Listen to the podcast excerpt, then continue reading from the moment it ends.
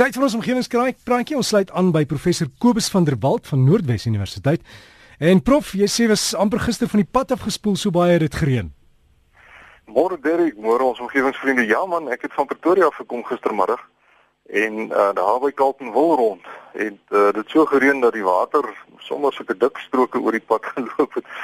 En uh ek het so heeltemal my spoed verminder so 60 70 km/h en toe ek agterkom toe ek nie meer kontak met die pad nie toe loop die bande bo op die water.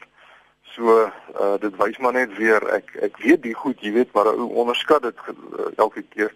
Uh, ons motoriste moet tog baie versigtig wees as dit so lekker reën want dit bly maar gevaarlik. Maar net terwyl ek toe nou terugry van Pretoria af gistermiddag, toe bel Theo Venter my.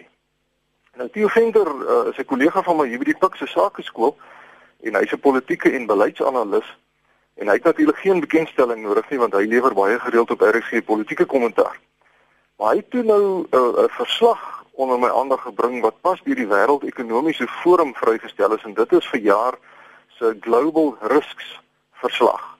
Ehm um, wat toe nou vrygestel is en hierdie verslag is van groot belang vir alle mense op aarde want dit verteenwoordig die menings van omtrent 750 van die wêreld se voorste ekonome en sakeleiers. En hulle volg nou in die verslag die standaard risikobepalingsbenadering, naamlik eerstens, wat is die kans dat die een of ander ramp die mensdom kan tref in hierdie jaar?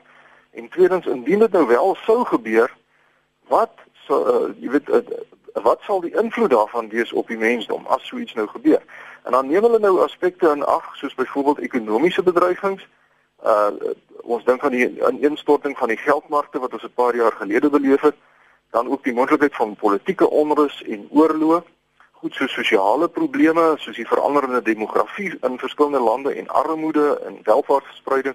Hulle kyk ook na tegnologiese probleme soos die toenemende afhanklikheid en ook ons kwesbaarheid met betrekking tot energie en rekenaarstelsels. En dan is een van die faktore ook omgewingsrisiko's soos klimaatsverandering en die verlies aan biodiversiteit. Ja, die belangrike ding dink ek wat ons almal moet besef is dat hierdie verslag nie gebaseer word op gerugte of kinderstorieetjies nie. Uh ek bedoel jy word nie een van die suksesvolste groep sakeleiers op aarde as jy jouself nie baie deeglik vergewis van die ware feite nie. En met hierdie uh as agtergrond het Theo my aandag op 'n baie interessante verwikkeling gevestig.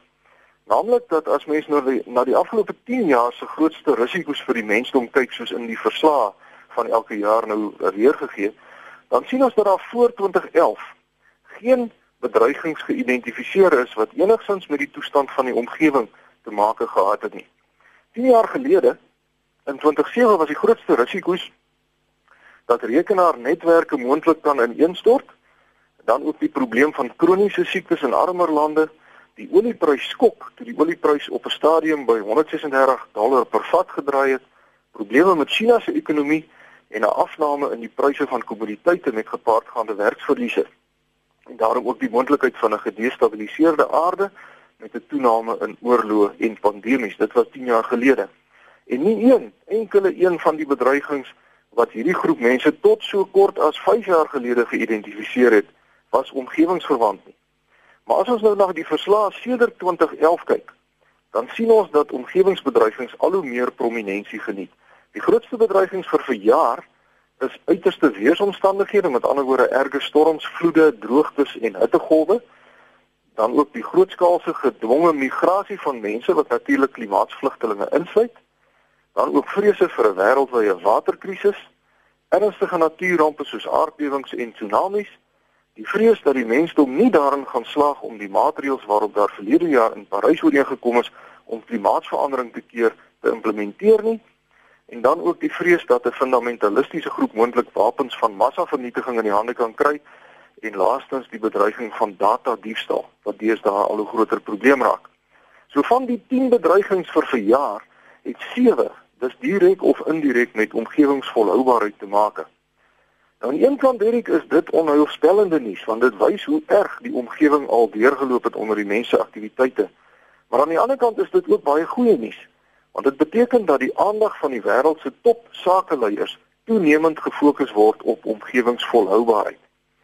En ek weet die mense wat nou gereeld luister sal onthou, ek het so 2 weke gelede tydens Nuwejaarsdag se so omgewingspraatjie die stelling gemaak dat ekonome heeltemal nuut sal moet dink sodat ons 'n globale ekonomiese stelsel ontwerp dat die natuurlike hulpbronne waarsonder die mens nie kan klaarkom nie, sal bevoordeel en bevorder en nie as vanselfsprekend aanvaar en beskadig en vernietig soos wat tans die geval is nie. En dit lyk vir my of hierdie paradigma skuif nou besig is om te begin gebeur, want in verjaar se risikoverslag word gesê dat 'n herlewing in die wêreldekonomie wel broodnodig is om ekonomiese, politieke en sosiale stabiliteit op aarde te bewerkstellig, maar dat daar terselfdertyd fundamentele hervormings in die markgedrewe kapitalistiese stelsel gemaak sal moet word. Dit is baie duidelik as mens tussen die lyne lees dat hierdie nuwe ekonomiese stelsel wat in die vooruitsig gestel word, sal verseker dat die water wat ons drink, die gereelde sagte reën wat ons nodig het om voedsel te verbou, die grond waarin ons ons produkte moet kweek, die voedselwet wat alle lewe op aarde onderhou en die lug wat ons inasem, nie langer deur ekonome en sakeleiers met ongeërgdheid beheen gaan word nie, omdat dit die hele wêreldekonomie in duie kan laat stort met natuurlik katastrofale gevolge vir alle mense op aarde.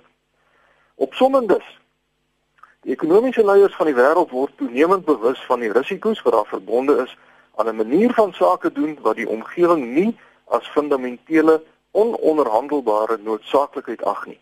En dit gee vir my baie hoop vir die toekoms want die Engelse spreekwoord wat sê money makes the world go round is baie waar. As die top sakeleiers van die wêreld op omgewingsprobleme begin fokus, dan is die kans dat dinge vinniger in die regte rigting gaan beweeg baie goed. En daarmee is my tydjie vanoggend om, Derek. Baie dankie aan kollega Theo Venter wat die verslag onder my aandag gebring het. En as mense vir my wil skryf, is jy baie welkom. My e-posadres is kobus.vanderwalt@nwu.ac.za of u kan op Facebook soek na Omgewingspraatjies se bladsy. 'n Heerlike Saterdag vir almal en vriendelike groete tot 'n volgende keer. So gesels professor Kobus van der Walt hier op Breakfast met Derek en daai Facebook bladsy is Omgewingspraatjies. Meer soek op Omgewingspraatjies sluit aan. Kry die inligting anders e-pos kobus.vanderwalt by nwu.ac.za.